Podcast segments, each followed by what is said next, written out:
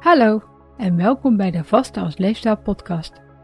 Mijn naam is Amanda Kortman, ik ben gewichtsconsulent en omdat er zoveel slechte informatie over vasten verspreid wordt, hoop ik het met deze podcast zo te verduidelijken dat voor iedereen kan werken. Je vast wanneer je langer dan 12 uur niks neemt wat vaste stopt, dus is makkelijker dan je denkt.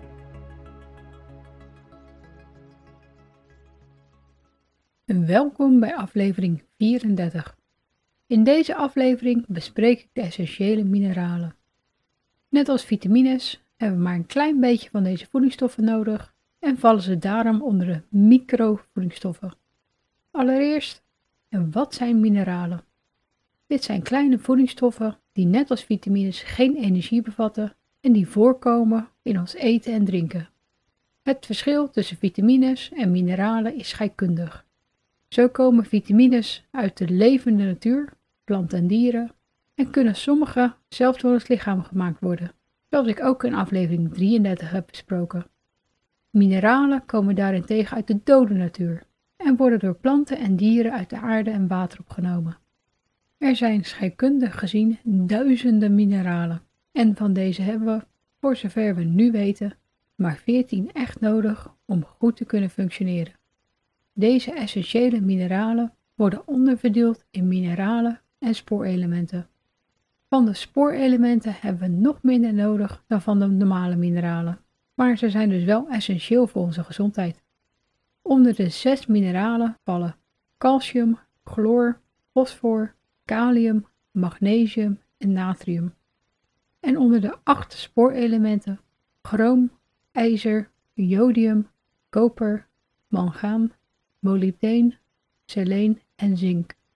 Voor het gemak worden mineralen en spoorelementen altijd samengevoegd onder de naam mineralen. En ik zal in deze aflevering verder geen onderscheid maken en ze gewoon alfabetisch bespreken.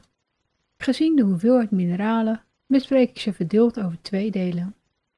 Van de mineralen worden natrium, kalium, calcium, magnesium en chloor ook wel elektrolyten genoemd. En van deze kan je tekorten oplopen als je bijvoorbeeld extreem zweet, langdurige diarree hebt of nierproblemen hebt. Maar ook als je ketogeen eet of net begint met vasten. Voor de rest komen tekorten mij zelden voor als je gezond eet volgens de puur gezond piramide of schijf van 5. Als je ondanks dat toch mineralen tekorten hebt, dan kan dit net als bij vitamines komen door bepaalde ziekten en aandoeningen, darmproblemen en medicatie. Een teveel aan mineralen krijg je alleen binnen als je te hoog gedoseerde supplementen neemt of te veel zout, oftewel natriumchloride, binnenkrijgt. Ons lichaam neemt mineralen op in de dunne darm en hoeveel er wordt opgenomen hangt onder andere af van de vorm waarin ze aanwezig zijn en hoe goed ze oplossen in de darm. Uit voedingssupplementen worden ze vaak makkelijker op opgenomen dan uit ons eten en hoe goed ons lichaam mineralen opneemt hangt ook af van wat je verder eet en drinkt. Zo nemen we iets minder ijzer, zink, mangaan en chroom op als je tegelijkertijd iets met deze stoffen binnenkrijgt. Oxaalzuur uit rabarber, pitinezuur uit granen en pulvruchten en polyfenolen uit thee en koffie. Ook vezelsupplementen kunnen de opname verminderen, maar een combinatie van bepaalde stoffen kan de opname van sommige mineralen echter juist verbeteren. Zo neemt ons lichaam ijzer uit plantaardige bronnen beter op als er ook vitamine C aanwezig is. En voor de opname van calcium is vitamine D nodig. Op lange termijn hoef je er gelukkig niet echt zorgen om te maken, tenzij je veganistisch eet of bij de risicogroepen hoort.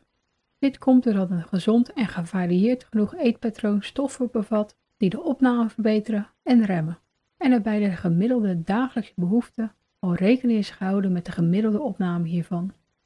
Er gaan trouwens geen mineralen verloren door eten te verhitten. Wel kunnen er mineralen oplossen in water tijdens het koken, waardoor het advies is om zo min mogelijk kookwater te gebruiken bij het koken van groenten en aardappelen. Ik zal nu beginnen met het bespreken van de verschillende mineralen, beginnende bij calcium en eindigend bij kalium. Calcium staat ook wel bekend als kalk en we hebben het nodig voor onze tanden, botten, spieren, bloedstolling en de werking van onze zenuwen en spijsvertering. Het helpt ook bij het transport van natrium, kalium en magnesium in en uit onze lichaamcellen. Calcium komt vooral voor in zuivel, zoals melk, yoghurt en kaas, en er zit een beetje in brood, groenten, pulvruchten en aardappelen. in goede zuivelvervangers worden toegevoegd. Dus let hier altijd op als je geen echte zuivel wil of kan nemen. Hoeveel calcium je per dag nodig hebt, is deels leeftijd en geslacht verbonden. Mannen en vrouwen tussen de 18 en 24 jaar hebben 1000 milligram per dag nodig. Mannen tussen de 25 en 69 950 milligram, maar voor vrouwen is dit tot de 49ste. Door de overgang hebben ze tussen de 50 en 69 jaar 1100 milligram nodig. Na je 70ste heeft echter iedereen 1200 milligram per dag nodig. En ook als je genoeg binnenkrijgt, kan het zijn dat je niet alles opneemt. Zo neem je minder op als je erg inactief bent of niet voldoende vitamine D binnenkrijgt. Alcohol zorgt er verder voor dat je minder calcium opneemt, dus let erop dat je niet te veel drinkt. De maximaal veilige dosis voor calcium is 2500 mg per dag en als je regelmatig te veel calcium binnenkrijgt, dan verstoort dit de opname van ijzer, zink, magnesium en fosfor, wat kan zorgen voor een tekort van deze mineralen. Hiernaast verhoog je je kans op nierstenen en kan de opbouw van je botten verslechteren waardoor je botten zwakker worden. Acute overdosissymptomen zijn misselijkheid, braken, verwardheid en coma. Maar je wilt natuurlijk ook niet te weinig binnenkrijgen. Een tekort aan calcium kan namelijk voor spierkrampen en een vertraagde bloedstolling zorgen. En als je door een vitamine D tekort onvoldoende calcium kan opnemen, kan je ook last krijgen van osteoporose en osteomalacie. Chloride, ook wel bekend als chloor, is de volgende. Het is samen met natrium en kalium nodig voor ons vochtbalans en het is onderdeel van ons maagzuur. De belangrijkste bron voor chloride is keukenzout en natuurlijk alles waar zout in zit. Zout bestaat namelijk voor 60% uit chloride en 40% natrium. Anderhalve gram keukenzout is voldoende om aan je dagelijkse hoeveelheid chloride te komen, dus de kans op een tekort is erg klein. Er zijn verder geen negatieve gevolgen van de chlorideoverschot bekend. Chroom, ook wel bekend als chromium, is het volgende mineraal. En we hebben het nodig voor de werking van het hormoon insuline en daarmee de glucose en vetstofwisseling. Het zit in volkorengranen en dan vooral in de zeeuwen ervan en in groenten, gevogelte, vis en vlees.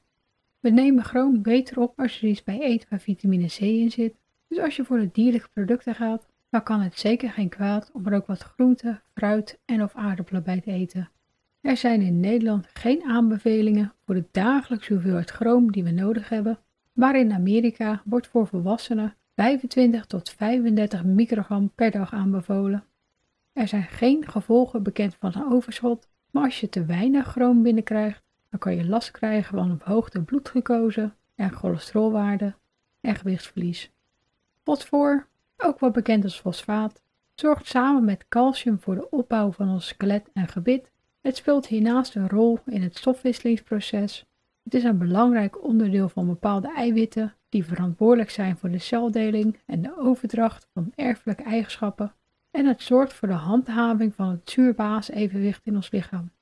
Fosfor komt in bijna alle voedingsmiddelen voor, maar het zit vooral in de volkorengranen, pulvruchten, vlees, kip, vis, eieren en zuivel. Het wordt in de vorm van fosfaatzout soms ook als bindmiddel toegevoegd aan voedingsmiddelen. Volwassenen hebben 550 milligram fosfor per dag nodig en het is belangrijk om erbij stil te staan dat je minder fosfor opneemt als je maagzuurremmers gebruikt die aluminium bevatten. Ook een hoge dosering van calciumcarbonaat supplementen zorgt voor een verminderde opname van fosfor. De maximaal veilige dosis voor volwassenen is 4000 mg per dag en dit wordt vooral veroorzaakt door hoog gedoseerde supplementen. Een teveel aan fosfor zal de opname van ijzer, koper en zink verminderen en het veroorzaakt een verhoogde botstofwisseling wat bij ouderen de kans op botontkalking kan verhogen. IJzer is een bekend mineraal wat net als chroom beter wordt opgenomen in combinatie met vitamine C en we hebben het nodig voor ons immuunsysteem en energiestofwisseling en het is een belangrijk bestanddeel van spierweefselpigment, bepaalde enzymen en hemoglobine. Hemoglobine is een onderdeel van onze rode bloedcellen, welke zuurstof vervoeren vanuit onze longen naar de rest van ons lichaam. IJzer komt scheikundig gezien in twee verschillende vormen voor, genaamd heemijzer en non-heemijzer. Heemijzer vind je vooral in dierlijke producten, zoals vlees, vis en eieren, en non-heemijzer komt voor in plantaardige producten, zoals bladgroenten, volkorengranen, noten, gedroogd fruit, en pulvruchten. De aanbevolen hoeveelheid van ijzer is afhankelijk van je leeftijd en geslacht. Zo is deze voor volwassen mannen 11 milligram en die van vrouwen tot ongeveer een vijftigste 16 milligram, zodat er bloed verloren wordt tijdens de menstruatie en er iets meer ijzer nodig is tijdens de zwangerschap. Na de overgang is 11 milligram voor vrouwen ook genoeg. Er zijn een paar factoren die beïnvloeden in hoeverre je ijzer opneemt. Wanneer de ijzervoorraad in je lichaam laag is, of je bijvoorbeeld door een zwangerschap of menstruatie een hogere behoefte aan ijzer hebt, dan neem je automatisch meer ijzer op uit je eten. Ook je voeding speelt een belangrijke rol bij de opname van ijzer. Zo wordt heemijzer makkelijker opgenomen dan non-heemijzer en verlagen koffie en thee de opname hiervan. Een overschot aan calcium kan de ijzeropname ook verminderen. Vlees, vis en vitamine C verhogen daarentegen de opname van non-heemijzer. Er is geen bovengrens vastgesteld voor de hoeveelheid ijzer per dag, maar in Amerika houden ze 45 mg per dag aan en het te hoog ijzergehalte in het lichaam kan leiden tot chronische vermoeidheid, gewrichtsklachten, obstipatie en de beschadigingen van organen zoals je lever, darmen en hart. Een tekort wil je natuurlijk ook niet hebben, want dit kan leiden tot duizeligheid en verminderd concentratievermogen, lichamelijke zwakte, hoofdpijn en bloedhormonen. Het volgende mineraal is jodium. En dit is belangrijk voor ons geheugen, huid- en energieniveau en het goed functioneren van ons zenuwstelsel. Jodium heeft hiernaast invloed op de omzetting van beta-caroteen in vitamine A, de opbouw van lichaamseiwitten en cholesterol, een goede opname van koolhydraten en het is essentieel voor de productie van schildklierhormonen.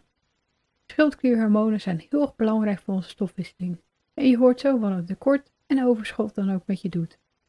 Jodium kan van nature voorkomen in zeewater, drinkwater en aarde en via deze weg komt jodium ook voor in zeevis, zeewier, eieren en zuivel. Om de kans op tekorten te verminderen wordt het in Nederland toegevoegd aan brood en broodvervangers in de vorm van bakkerszout en zit het in gejodeerd keukenzout en zoutvervangers. Doordat er minder brood gegeten wordt en de hoeveelheid bakkerszout per brood verlaagd is, is de kans op tekorten echter weer wat hoger en kan dit vooral een probleem zijn voor zwangeren. Volwassenen hebben 150 microgram jodium per dag nodig en de maximale veilige dosis is 600. Maar zwangeren hebben 175 microgram per dag nodig voor de groei en hersenontwikkeling van een ongeboren kind, terwijl velen maar net aan de 150 komen.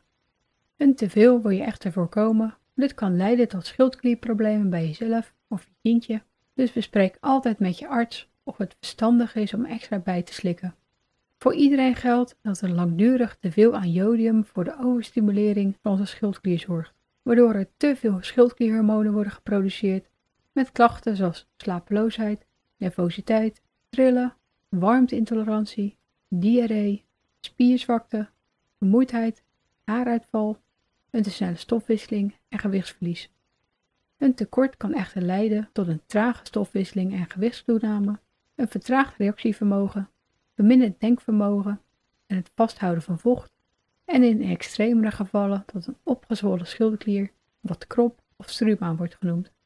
Kalium, ook wel bekend als potassium, is de laatste die ik in deze aflevering bespreek en dit mineraal hebben we nodig voor het behoud van een gezonde bloeddruk, de opbouw en afbraak van glycogeen, de opbouw van eiwit, onze spieren en ons zenuwstelsel. Kalium komt in veel voedingsmiddelen voor en de belangrijkste bronnen zijn aardappelen, volkorengranen, vlees, groenten, fruit, noten, pulvruchten en koffie. Het wordt hiernaast in zoutvervangers toegevoegd om de hoeveelheid natrium erin te verlagen, maar daar vertel ik in deel 2 meer over. Volwassenen hebben er 3,5 gram kalium per dag nodig en er is geen maximale veilige dosis opgesteld, maar hele hoge doseringen kunnen leiden tot verwardheid, spierzwakte en zelfs de hartstilstand, waardoor het afgeraden wordt om als supplement te slikken, tenzij het voorgeschreven wordt door je arts. Doordat kalium in veel voedsel voorkomt, is de kans dat je tekort oploopt als je gezond eet erg klein. Maar het kan ontstaan als je last hebt van diarree, veel moet overgeven, als je keto gaat eten of net begint met vasten en als bijwerking van diverse medicijnen. Symptomen van een tekort zijn onder andere spierzwakte, een verstoorde hartfunctie, en psychische stoornissen zoals depressie en verwarring. De overige mineralen bespreek ik in deel 2 En ik hoop dat je met deze aflevering al het belang van de net genoemde mineralen inziet en dat je er een beetje op probeert te letten. Net als bij de macrovoedingsstoffen kan het dan ook nuttig zijn om eens een paar dagen bij te houden wat je op een dag binnenkrijgt, in bijvoorbeeld de eetmeter of een vergelijkbare app of website. Als laatste wil ik nog even melden dat ik me heb aangesloten bij Vriend van de Show. Op dit platform kan je opmerkingen plaatsen bij afleveringen, vragen stellen en me financieel steunen voor het maken van deze podcast met een maandelijkse of eenmalige donatie. Ik heb een hekel aan reclames, maar er gaat natuurlijk wel veel tijd en energie in deze afleveringen. Dus als je het kunt missen, dan kan je de link in de beschrijving vinden.